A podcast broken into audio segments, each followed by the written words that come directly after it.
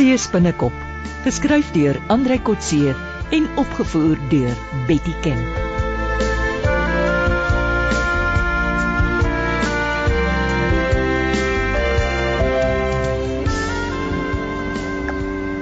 Môre Bobby.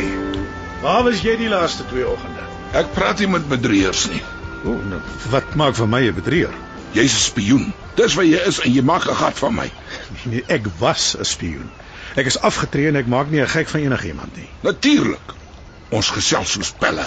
Ek vertel jou van my dae in Taiwan en nou vind ek uit jy was vir jare daar en jy sê my niks. Wie het vir jou gal ingegee oor my? Ek het niks te rapporteer oor my tyd in Taiwan. Ek was in die regeringskantoor in Taipei, maak dit my 'n bedrieër. Jy moes my gesê. Wil jy weet hoekom ek jou nie vertel het nie? Ek wil niks meer van jou weet nie. Jy moes dit vir my gesê het toe ek jou nog vertrou het. Maar ek gaan jou in elk geval sê. Ek verkondig dit vir niemand nie want mense dink ek is nog altyd 'n spioen wat sal fluitjie blaas oor hulle. Ja, jy kan hom maar sê wat jy wil, dis te laat. Maar ek is jammer. Ek vra om verskoning.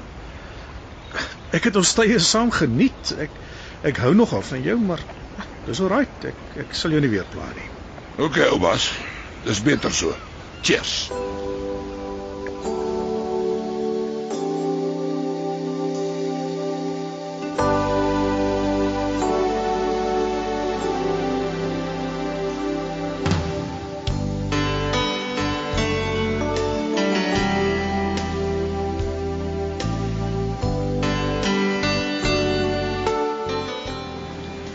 Ina, kan jy gou hiernatoe kom of is jy besig?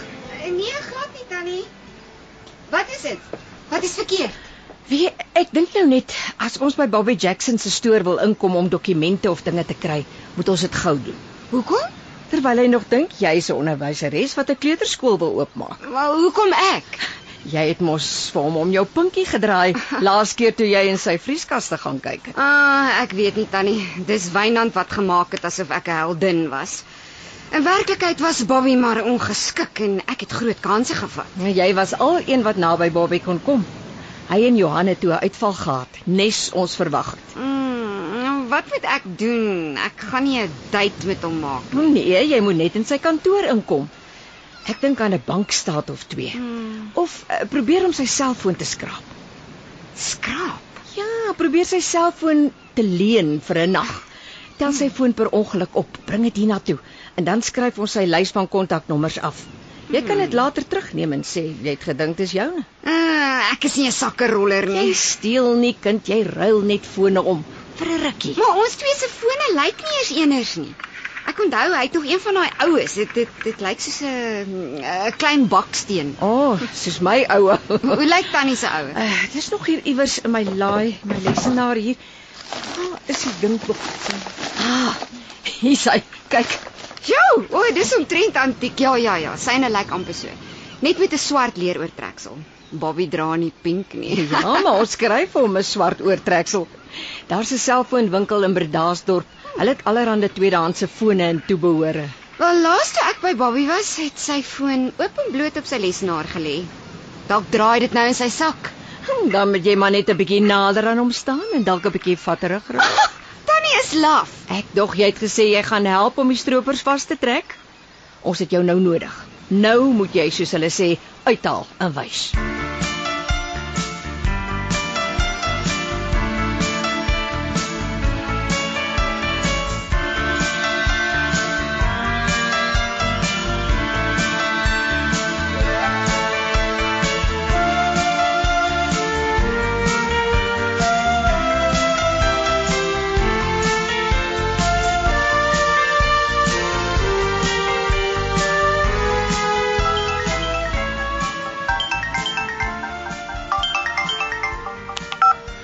Hallo, Sumi.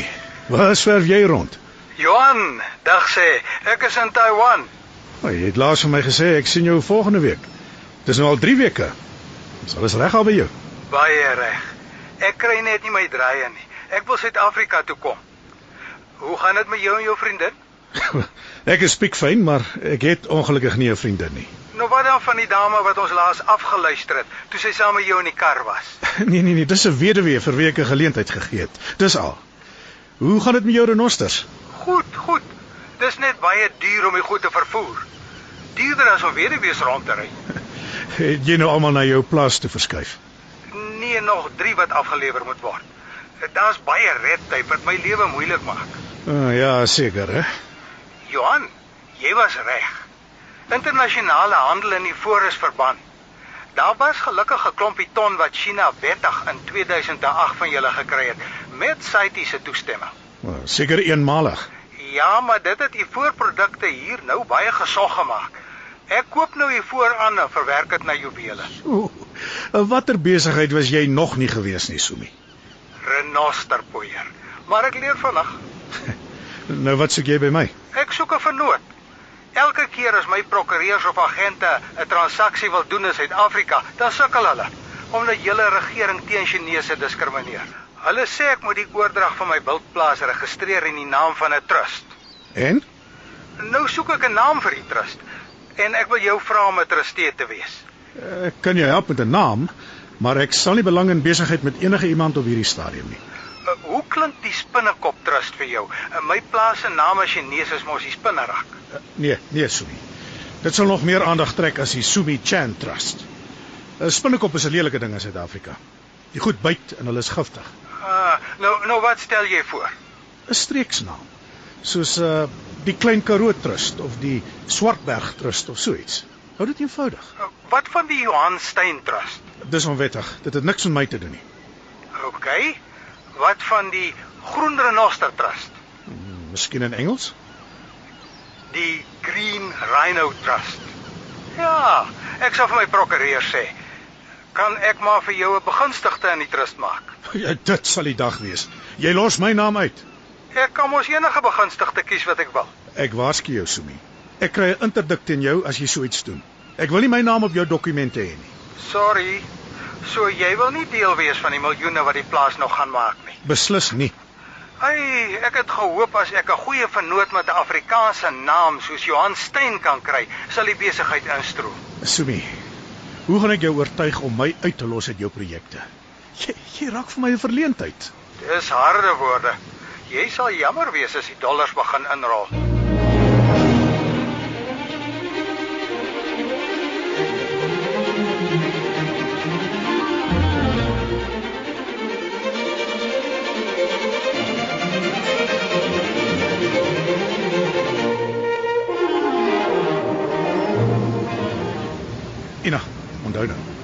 Moenie te waaghalsig wees nie.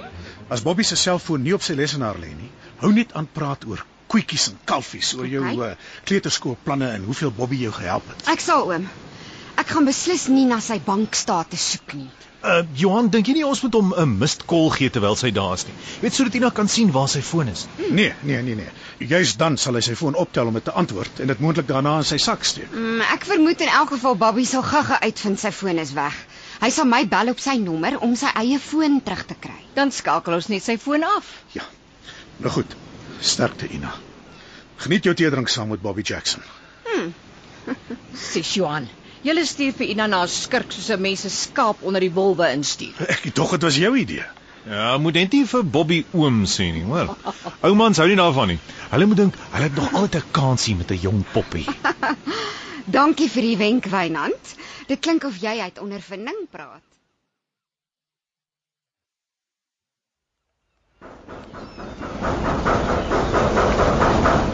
Meneer Jackson. Bobby, Ek kom, ek kom. O. Oh, wag sê. Moenie vir my sê jy soek nog altyd my stoorplek vir jou skool nie. Eh, nee nee, uh, ek het net kom dankie sê en uh, hier is die koek wat ek vir jou en jou bemanning beloof het. Dankie. Maar dit was nie nodig nie. Jy het nou niks hier gekry nie. Wel, ek het. Jy het my baie gehelp. Ehm uh, kan ek maar aankom? Natuurlik. Ek het nog nie die regte plek gekry nie, maar ek het nou 'n goeie idee in my kop. Nou uh waar werk jy intussen?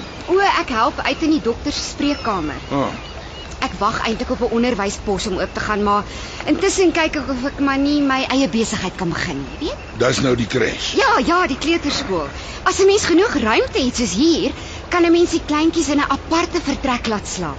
Kleuters moet mos teen middagete se kant 'n bietjie slaap. Het jy nou al 'n plek gesien waar jy kan gebruik? Nee, dit lyk my ek sal moet kyk na 'n huurhuis of so iets.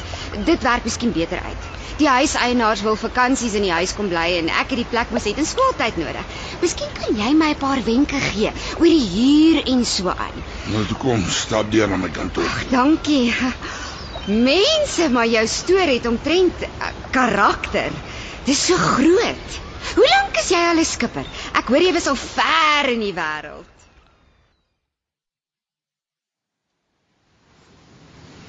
Vraggie Sina, jy het toe Bobby se selfoon gekry. Ja, ek het hom afgeskakel anders moet ek dit antwoord. Ek dink ons moet vir oom Johan en Wynand laat kom. Hulle moet die tegniese dinge vir ons uitsorteer. kan jy dit nie sommer vir hulle vat nie? Dis nie nodig dat hulle hier kom werk nie. Ag Tannie, dis eintlik lekker as hier bietjie lewe is. Ek maak gou 'n slaaitjie en dalk kan Wynand iets op die vuur gooi om te braai. Jy klink vir my meer lus vir 'n partytjie as vir werk. Hoekom raak jy skielik nou so sosiaal? Ag, seker maar die adrenalien.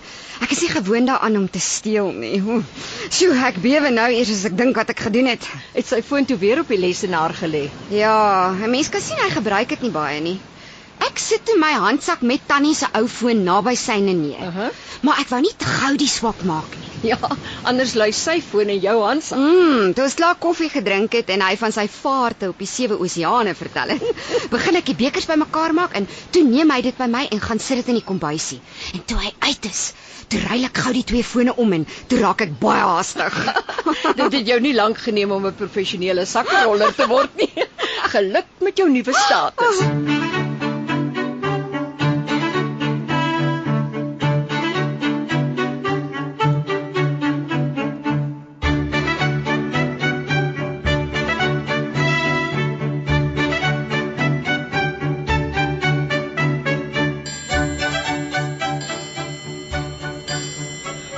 Johan, dis al middernag. Hoe lank nog? Ek dink jy het gesê dis net 'n paar minute om die kontaknommers op Bobbie se foon af te laai. Moes jy ons nie hiernatoe genooi het nie? Ons kon by my plek ook gewerk het. Dis Ina wat 'n partytjie daarvan gemaak het.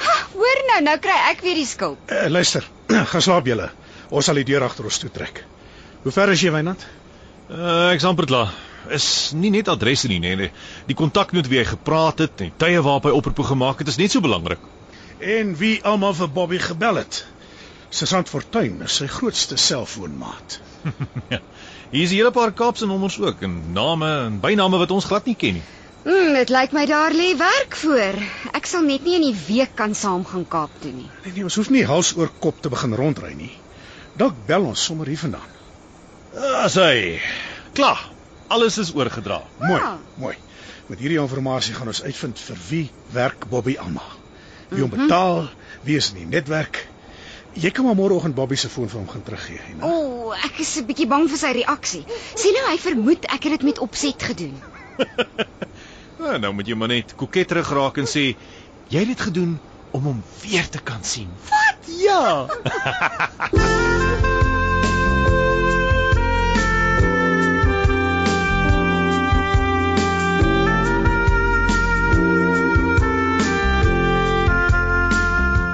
Dit was Seespinnekop deur Andrei Kotse.